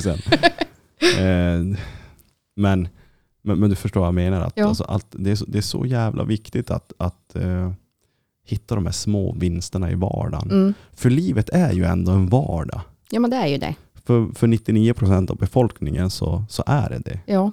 Vi kan inte, vi som tror att livet är att ligga på en strand i Thailand. Det är inte det. Det är tyvärr inte Nej. det. Och, och jag tror att även om du tror att det är det och du kommer dit så kommer du bli less på att ligga på den där förbannade stranden. Ja. Det kan vara roligt två gånger per år. Eller en gång per år i två Ja. veckor. Precis. Mm. Man blir less. Ja. Livet är att vinna och bevisa för sig själv lite grann. Jo. Att ta sig igenom och, och de här tasksen. Vad är tasks på svenska? Jag tycker det är så jävla... Jag lä- Uppgift. uppgifter. Mm. Bra, jag läser mycket på engelska. eh, och liksom klarar de här uppgifterna. Mm. Du kommer bli stolt över dig själv. Du kommer in- inse liksom att du har förtjänat ditt mående. Ja. För det, för det är många som också söker quick fix idag. ja. Men det går inte. Nej. Nej. Har du varit där där du har försökt så här, fixa någonting snabbt eller kan hamna där? Nej. Det, ja det är ju det här att jag kanske har varit hemma lite för kort tid. Och bara Mm. nu är redo att fortsätta jobba. Och så har man kört på, ja, men som jag sa tidigare, bara kört på och man har varit på jobbet, jobbat sina tre nätter och så har man varit vaken när man har gått av och bara öst på.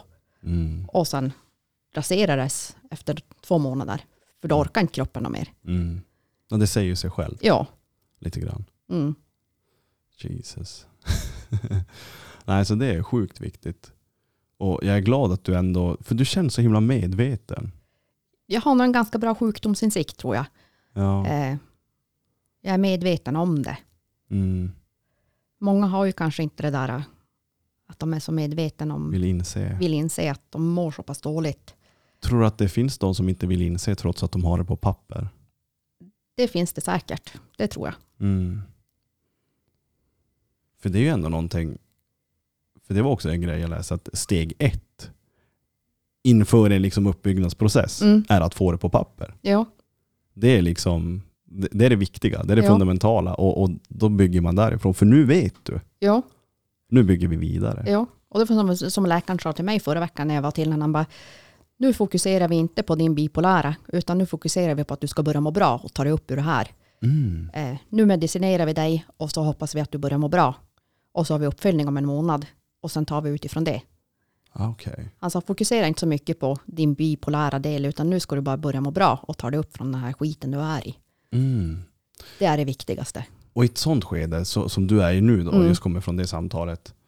Vad är det du ska fokusera på? Liksom om, nu tänker jag så här, du ska inte fokusera på bipolära, men du ska fokusera på att må bra. Men mer då? Liksom, vad ska du fokusera på för att må bra? Ja, det, det, fick, det, det fick jag ju som inte nå sådär, men han menar väl att jag ska försöka ta mig ur de här självmordstankarna jag haft och inte, Försöka ta dig ur dem. ja, Vad, sa han ordagrant? Försöka Nej. ta dig ur dem. men att jag inte ska, vad heter det, sjunka så lågt. Och att det var väl därför han höjde medicinen så pass fort. Han har höjt en ganska Okej. snabb höjning nu. För Mm. att jag ska få ett stabilare mående. Mm. För jag tror att de var ganska oroliga att det skulle förstår. hända något. Jag förstår. För jag tänker att om jag hade gått och pratat med någon, precis, jag, kan ju bara, jag har gått till en psykolog och vi klickar direkt. Mm. När han säger till exempel, ja men nu ska vi få dig att må bra, då Mm. ger ju han mig verktygen. Ja, men Har- läkarna har ju oftast inte tid, tid att ge verktygen, utan det är ju, Det känns sjukt. ja, nu var han ändå påläst när jag kom in där och jag hade träffat honom en gång tidigare på Mm. hälsocentralen och nu var han på psykiatrin. Så han var ju ändå påläst om mig när jag kom in, vilket många läkare inte är när man träffar dem första gången. Mm, det är också gott att höra. Eh, utan man får dra hela historien igen. Och då blir man så här, ja, men du kunde väl för fan ha läst på. Mm. Jag orkar inte dra hela min livshistoria för femtonde gången. Mm. Eh, men, men han var påläst och visste som vad han skulle göra när jag kom in till honom. Så det kändes riktigt bra faktiskt. Men du fick inte verktygen, typ så här, vad du ska fokusera på egentligen. Nej. Men jag, men jag känner ändå att eh, jag har det Emma-teamet som ringer till mig och Mm. jag har ju ändå ganska mycket verktyg i, bot, i grund och botten. Mm. Eh, Det är det jag tänker också, det känns som det. jo, Det är bara min känsla jag får, min första reaktion, att du känns ändå som en sån som har koll på läget. jo jag, har, jag har ju ganska koll på läget. Mm. Det har jag ju. Och jag har ju lärt mig att ja, men, ta hjälp av Mm. kompisar. Eh, och sådär och meddela att ja, men som sagt, idag är det en skitdag. Mm. Då, då vet jag ju att de är så bra så att de ställer upp Mm. alltid. Och en grej som jag också tänkte på som jag sa åt dig just när du kom innanför dörren här är att du, du är just nu i en down-period, men Mm. du verkar så glad. Mm. Och jag tänker att om lyssnarna också kanske reflekterar över det, Mm. vill du förklara det? Jag får ju alltid höra att du är alltid så glad, hur kan du må dåligt? Och så är jag utåt. Jag är alltid glad utåt. Spelar ingen roll om jag är i stall eller om någon träffar mig på affären eller på jobbet. Mm. Så är jag ju alltid glad. Men det är just det här när man är själv. Mm. Det är då tankarna kommer. Man börjar grotta ner sig lite grann. Eh, och så blir det bara en, en ond cirkel. Eh, och så tar man sig inte ur den där cirkeln. Mm. När man sitter där hemma själv. Och mår dåligt. Vad kan det vara för tankar? Det här är jag väldigt intresserad av, just tankar. Jag har ju haft mycket på senaste att jag orkar inte må dåligt något mer. Mm. Alltså hur ska jag ta mig ur det? Eh, Det har ju mest, det har ju mest varit de här tankarna att jag orkar inget mer. Mm. Eh, Nu, nu vill jag bara försvinna. Hoppar det mellan dem, typ att nu, nu vill jag ta mig ur det, gentemot nu vill jag försvinna. Jo, För, det, för jag, jag får lite, när du säger att du vill ta dig ur det, så tolkar jag det som att du vill hitta en väg att Ja. liksom fortsätta leva. jo, Å andra sidan så säger den andra, nej, jo. du ska inte leva mer. Mm. Det är ungefär som, ja, jag orkar inte leva men jag vill inte dö. Mm, det där eh, det har vi pratat om Ja. eh, i, liksom i, i flera avsnitt Mm. också. Just det här att, faktiskt det senaste, att, att eh, man orkar som inte ta livet av sig. Men det hade inte gjort något om man råkar bli påkörd typ av en buss. Nej, precis. Jag går framför den här bilen så får vi se om Ja, stannar och lägger sig bredvid eller. ja. Ah, Okej. Men, men när, du, när, du, när du har tanken att, okej hur ska du ta dig ur det? Vad kommer du fram till? Oftast då far jag ju hemifrån och umgås med någon. Mm. Du tar det beslutet. Ja, Mm. För jag vet att det är det bästa beslutet att inte vara själv. Mm. Det låter som att du faller mycket tillbaka på det. Ja, Liksom den här att, eh, men ut ur hemmet. ja jag måste hemifrån. Mm. hur kan man göra för att bättra din hemmasituation tror du? Jag har ju jobbat mycket på senaste att försöka vara själv. Eh, Mm. och bara vara hemma och försöka känna lugnet Mm. hemma. Men har jag en jätte, jättedålig dag, Då är det inte värt det. nej då är det inte värt det. Nej. Men har jag en bättre dag, ja men då kan jag ju ligga hemma på soffan och tycka, åh gud vad skönt att vara själv. Mm. Eh, och bara mojsikojsa med hunden typ. Mm. Då är det ju jätteskönt. Och speciellt om jag har varit bland mycket människor en hel dag. Då är det jätteskönt att bara komma hem och det är tyst och man får vara själv. Mm. Men är det en jobbig dag, jättejobbig dag, då är det inte värt det. Då är Nej. det inte värt att jag utsätter mig för det Nej, överhuvudtaget. precis. Det är ingen idé att gå dit. Nej. ens. Inte utmana ödet. Nej. Dejtar du någonting? Jag tänker alltså när du, jag menar om du är singel och liksom hur, Jag har ju dejtat lite grann sådär, men eh, dejtade senast en kille i, eh, i somras. Men han hade ju som svårt att ta på det här att jag mådde dåligt. mm. Eh, det är ju inte alla som fixar det. nej. Och ska man vara så öppen på en gång och säga, bara, du, jag är lite psykiskt sjuk. Är det okej eller? För jag tänker att det, jag, man säger ju att man ska inte gå in i någonting förrän man mår bra själv. Men just när man lider av det här så känns det som att, Det är ju någonting man får leva med i hela livet. ja precis. Ja. Och, och att kanske hitta en, hitta en trygghet kanske hade hjälpt. Jag vet inte, jag kanske är ute och cyklar. Jo, alltså nu hade det ju säkert hjälpt. Mm. Det hade det ju säkert gjort. Men samtidigt måste jag ju ändå ha tryggheten att kunna vara själv. Mm. Och inte förlita mig på att någon annan ska vara min trygghet. Det är ju det som är det där. Det är Mm. lite moment 22. Jo, För att sen då säga att du träffar någon, då kanske blir det där hetsiga breakupet igen. jo, För att, för att du liksom inte ja, men, var tillfreds med dig själv. Och, jo Och- eller, eller, eller att man blir lite manisk, att man inte kan vara utan personen. ja, just Ja. det. Mm, Man hänger upp hela livet på den personen, allting kretsar runt den personen. det är sjukt farligt. Mm, Att börja leva för någon annan Ja. istället för att med någon annan. jo, Det är en stor skillnad. mm, det, det är så svårt också för att när, när man har, när jag i alla fall tänker på sådana här grejer och sitter med dig. För jag, jag försöker alltid, av alla hypoteser och alla tankar och sånt där, så har jag en tendens att alltid försöka hitta en slutsats. jo, Och jag har svårt att acceptera att det kanske inte alltid finns en slutsats Pontus. nej. Tror du att det finns en slutsats? I just det här, i dig? För att ta dig vidare till någonting magnifikt. Jag har ju som svårt att se det. Mm. Eftersom jag ser, eftersom jag oftast tar dag för dag hur jag mår. Mm. Som jag kan ju inte ringa idag och sjuk, eh, sjuk, friskskriva mig till jobbet på fredag. Mm. För idag mår jag ju bra. Just det. Men hur mår jag på fredag morgon när jag vaknar? Mm. Det är ju det är hårfint det där. Vad har du för planer idag? Vad ska du göra efter det här? Jag har inga planer faktiskt. Mm. Planlöst. Jag försöker att, har jag lediga dagar, jag planerar inte så mycket utan för det får komma som det kommer. Ah, Okej. Ja, Vad kan du göra under en, en sån här dag till, till exempel? När du inte har så mycket planer? oftast slutar det med att jag hänger i stallet. Ah, Okej. Ja, Finns det stall i Piteå? jo, jag är i ett privatstall där jag sköter om en häst. Ah, Ja. okej. Så det här med att jobba med djur, Mm. ja, du är ju halvvägs in. Eller det där kanske är eh, ideellt. Ja, det är ideellt. Ja. Men kanske nyttigt. Väldigt nyttigt. Mm. Och så har jag min hund då, som älskar att vara i stallet också. Så att då är han nöjd och glad när vi kommer hem. Mm. Just det. Ja, men det låter fint ändå. Mm. Det där är också roligt så med, med, vissa, med vissa hästtjejer. Just, det finns säkert mycket hästkillar också. Men det är som att det här hästintresset det följer fan med en hela livet. Det gör ju det. Jag tror jag började rida när jag var fem eller sex. Och så har man ju haft lite uppehåll och sådär. Men man trillar som ändå tillbaka i det. Vad är det som är så jävla intressant med hästar? Men de är ju fina djur. Förutom nu när jag varit sparkad av kompisen. Så Ja, jag tänkte var- just säga det. Alltså, vad händer om de sparkar dig?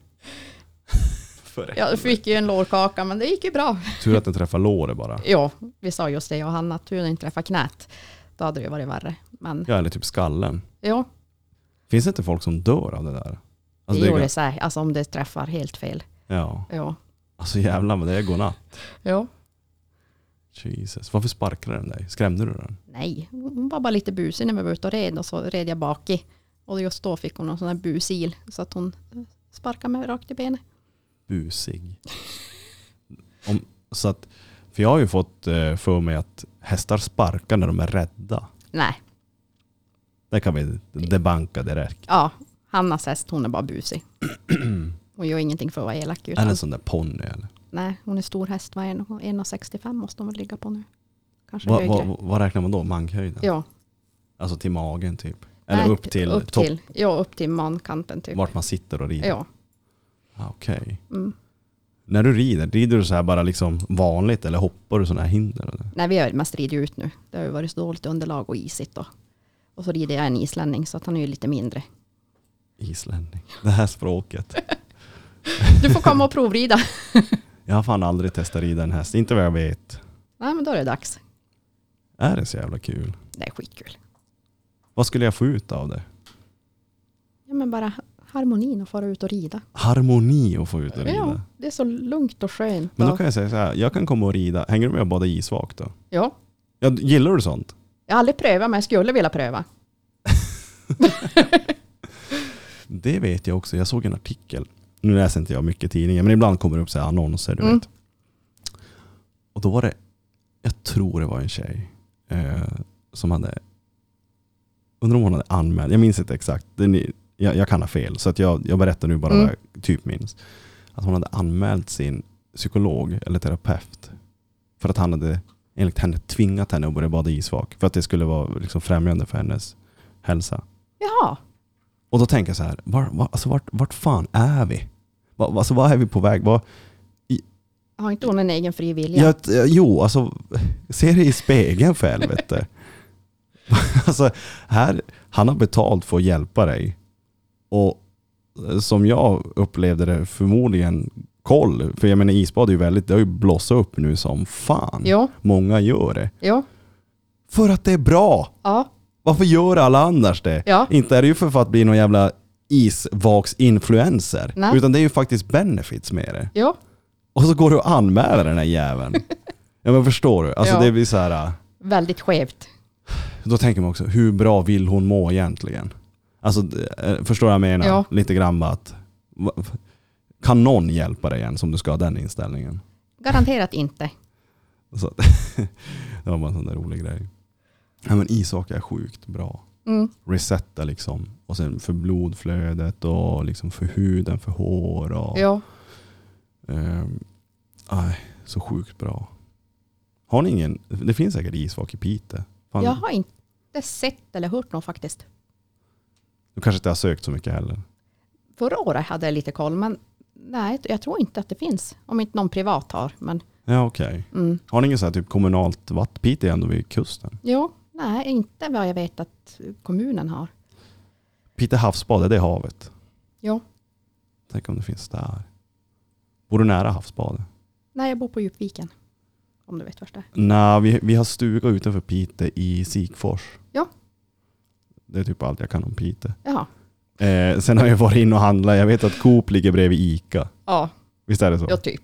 Eller är det Willys? Men det är ju, Nej. de har ju Coop med den stora garageparkeringen. Ja. Willys ligger ju på backen. Okej. Ja. Och så har de ju Kalles. Ja. Ni har bara en krog va? Jo, det är väl bara Kalle som är öppet nu. Jo. Om man nu vill gå och dansa. Ja, Ja. ösigt. Men Piteå är ganska fint ändå. Det är jättefint. Alltså om man nu inte typ skulle trivas i Luleå så är Piteå perfekt. Så om man vill ha lite mindre. Jo, alltså jag har trivts från dag ett. Sen Mm. vi flyttade ner. Du är född och uppvuxen i Piteå. Nej, jag är ju född och uppvuxen i Jokkmokk. Just det, Jokkmokk var det ju för Mm. helvete. Så vi, jag, vi flyttade ju ner Jokkmokk. 2009. Flyttade vi ju ner. Ja, Just exakt. det. Ja. Jokkmokk. Mm. Då är du, är du same? jo, pappa är same. Mamma är från Oskarshamn. Okej, så du är halvsame då? Mm. Har du renar? Pappa hade, men han har sålt dem när han vart sjuk. Så då sålde han dem. Ah, okej. Ja. All right. Har du varit ute, han du vara ute på så här rengärdade? Jo, jag var ju alltid med. Jag var ju pappas flicka när jag var liten, så jag var ju alltid med. Spelar ingen roll hur kallt det var så var jag med. Jäklar. Stod där mitt i frös. Vad, vad var eran by, eller höll ni till i Jokkmokk? Vid Torpen var ju pappa med i. Är det nära där eller? Ja, alltså det var ju samebyn han var med, men de bor ju i Vaimat. Det borde du veta, efter Älvsbyvägen. Vajmat efter Älvsbyvägen. det var där hänger jag ofta. Jo, jag förstår det. Det var varje helg va? Jävlar, där händer det grejer. Mm. Ah, Okej, häftigt ändå. Det måste ju ändå vara, liksom för, för mina samekompisar som har liksom är i det där och vuxit upp i det Mm. där. Alltså det är ju det är ena jäkla friluftsmänniskor. Mm. Ja, man ju, man har ju typ vuxit upp på skoten. Ja, Mm. typ det. Och fyrhjulingen på sommaren. Eller, Ja. eller man, man kan allt om fiske och båtar. Och, Ja, pappa har inte varit en sån där jättefiskemänniska. Men, Ah, okej. men jakt har ju, det ligger ju varmt om hjärtat. har du varit med på jakt någon gång? Nej, utan då, då var man ju som mera hemma med mamma. Ja, Ja, precis. Vänta på att köttet ska komma hem. jo, precis. Då fick man packa det istället. Så, du, så du, har, du har vuxit upp med att äta det, så fyller man frysen med 80 kilo älgkött och så äter man det ett år åt gången. Ja, och fisk. Och fisk. Kok, helst bara kokt fisk och potatis. Ah, okej. Det är väldigt ösigt. Och så sån här fisk som man liksom har, har fångat själv. då. Mm. Jäklar. Ja, det, det, är, det är nog fascinerande på något sätt. Mm. När man inte själv är, har upplevt det. Jag anser ju mig själv vara ett betongbarn. Jaha, Eh, eller jag, jag, jag kommer väl från betongen. Men nu mer och mer så har jag i alla fall fått upp ögonen för typ att vilja vandra. ja, Eh, för naturen är ju fin. jo. Jag hade velat få till Nordnorge. Jag var i Tromsö en gång. Men Mm. var, jag var inte där för att vandra. Men jag hade velat vara liksom upp dit och ja, med Lofoten och Senja. Och, Ja, Lofoten tror jag är jävligt fint. mm, jäklar. Gillar du att resa mycket? Jo, vi reste ju ganska mycket jag och exet. Okej. Ja. Men det Mm. var ju den semestern vi hade. Vi tog ju oftast ut vintersemester. Mm, Och åkte i november, december till Thailand eller utomlands och där. Just det. Ja, Asien är fint på vintern. ja, Ja, det, jä- det gör så jäkla mycket att slippa typ slutet av december, januari, Ja. en bit in i februari. slippa den mörkaste tiden. Och det är så jävla kallt, det är så mörkt. Mm, Då, då mår man bättre där nere. ja. Jag menar som nu åkte ut 17 grader kallt. Man bara, ja, vad ösigt. Ja, det- ja jag sitter och kollar här på temperaturerna. Det, jag gillar fan inte kyla. Nej, Det, jag, tror, jag tror inte människan är skapt för kyla. nej, jag tror inte heller det. Ändå så bor vi här. Jag menar som du också sa, att du kan få för dig att du får planer typ att du vill flytta och sådär. Ja, Har du, har du, vart skulle det kunna vara i så fall? nej, men det har jag typ, ja, men jag kanske flyttar, flyttar ner till typ Västervik eller något, för vi har ju några släktingar kvar där. Ja, men då hinner det där gilet gå över. Då har man typ sitta och kolla lägenheter. Ja. och så bara, vad finns det för jobb? Ja. Men ju som ändå hunnit sansa sig. Att, nej, tänk efter nu. Mm. Jo precis, och jag tänker också i ditt fall, jag menar om det är så viktigt med den här cirkeln, Mm. att vad skulle hända om du lämnar den? Ja. Liksom? Det är som mamma har försökt många gånger. Ja, men ska du inte flytta hem? Och det. Så, nej, men nu har jag ju som min nära cirkel, en cirkel i Piteå. Ja. Eh, nära vänner och man vet var man har dem och sådär. De har ju kvar vänner uppe i Jokkmokk, men det är ju inte samma Nej, som det var när man gick skola till exempel. de kanske inte heller, vännerna i Jokkmokk var inte, var inte där med dig när du har liksom kommit in i den här perioden. Haft den tyngsta perioden. Precis. Mm. Ja, det är nog klokt i så fall att stanna. Ja. Jag tror det. Eh, Jäklar. Och det är ju inte så långt hem, det är ju bara 18 mil. Så Mm. vill man hem så går det ju fort. Ja, fan två Mm. timmar så är man hemma. Ja. Dock vägen till Jokkmokk är ju ganska kurvig. ja, men det är inga fartkameror. Nej det är det inte. Nej. Den är, den är bra att köra på sommaren när man, Ja, när man ska blåsa till Sigfors från Kiruna. Ja. nu bor jag ju här. Jag måste sluta tänka att jag bor i Kiruna. Men det är så nyligt. mm. Man har flyttat. Mm. So call me a cynic, call me a bummer. I don't wanna be that way anymore. This life that I've been living, living without color, ain't a life worth living. Vad har du för plan nu för framtiden? Jag vet att du, även om, om det kan vara svårt att ta fram, du lever kanske timme för timme ibland. Mm. Men har du någon plan för dig själv för framtiden eller kommande tid framöver? Första planen är ju att bli skuldfri och det är om två år. Mm. Det är första planen. Ja. Sen utgår jag ju från det sen. Då kan man ju ja, men kanske byta jobb och, och sådär. Eh, Kan du inte så- göra det innan du är skuldfri? Ja, men det är som ändå en säkerhet Mm. nu att ha det man har. Mm. Man vet vad man har, men man vet ju aldrig vad man får. Mm. Eh, och två år, ja, det går fort. Det gör det. Ja, Men om, men om man men skulle du hamna i en downperiod, liksom, du är där nu, men om det kommer flera då går inte tiden så fort. nej, den gör ju inte det. Men eh, I det stora hela så går tiden fort. Ja. ja.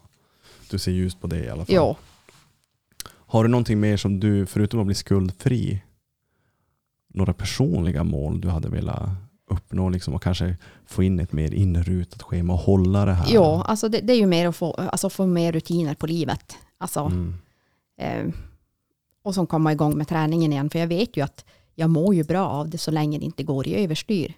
Mm. Eh, och som nu har jag ändå kommit igång och börjat rida igen.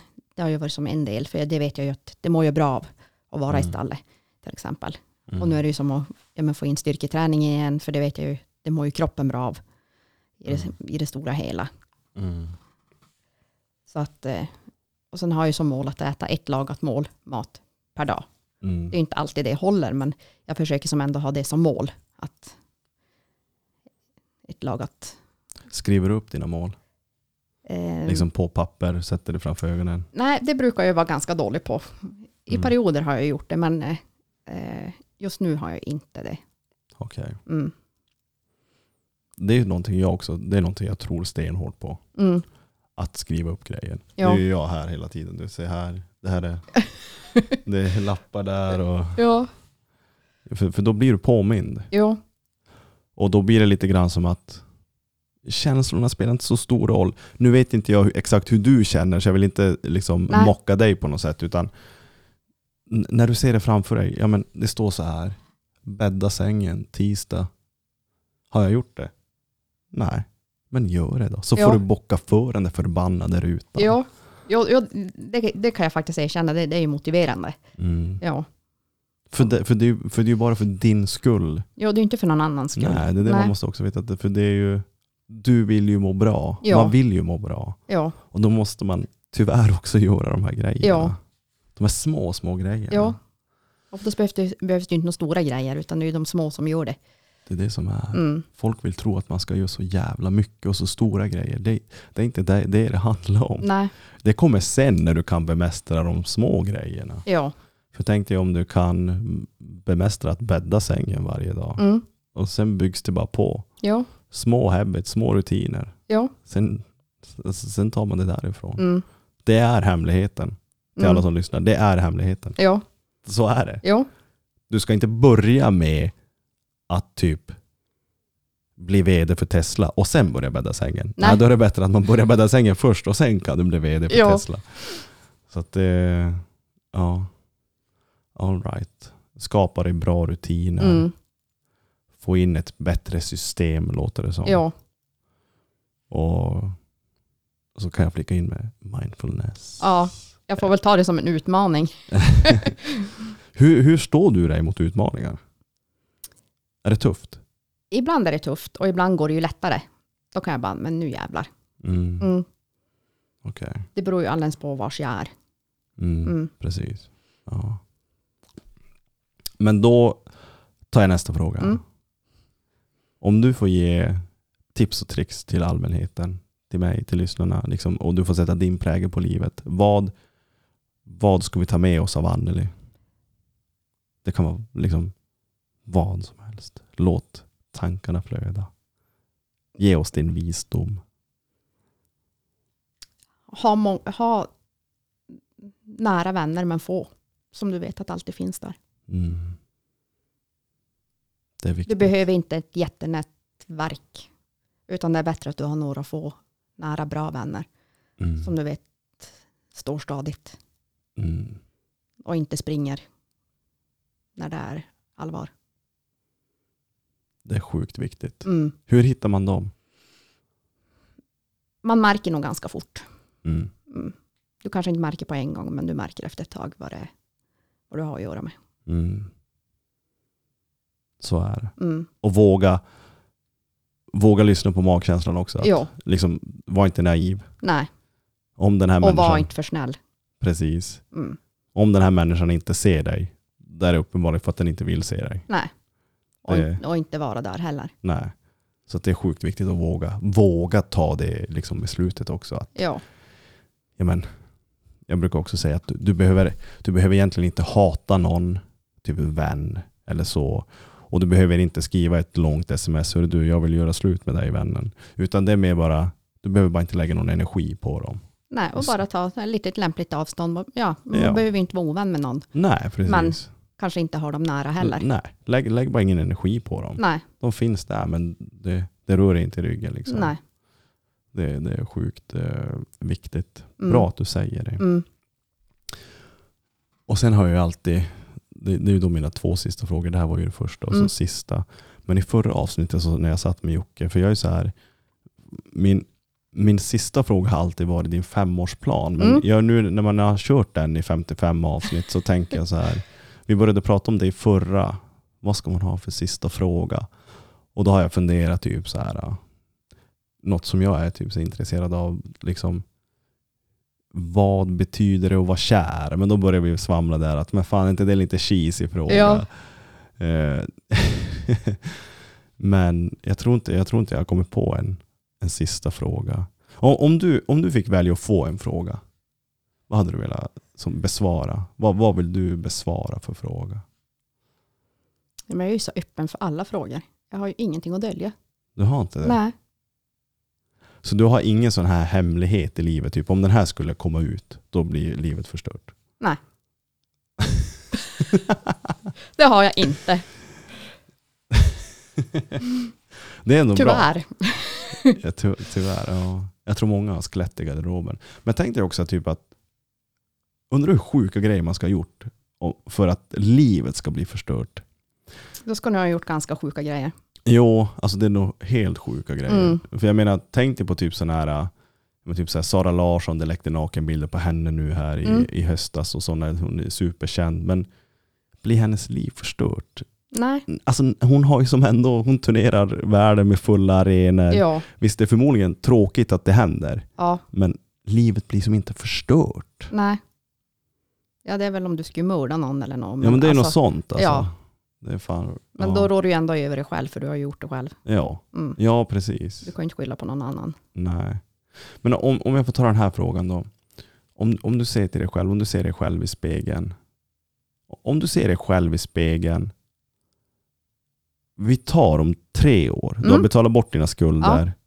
Du, är liksom, du har jobbat med dig själv nu en lång Mm. tid. Och, och så kollar du i spegeln om tre år. Mm. Vem är Anneli då?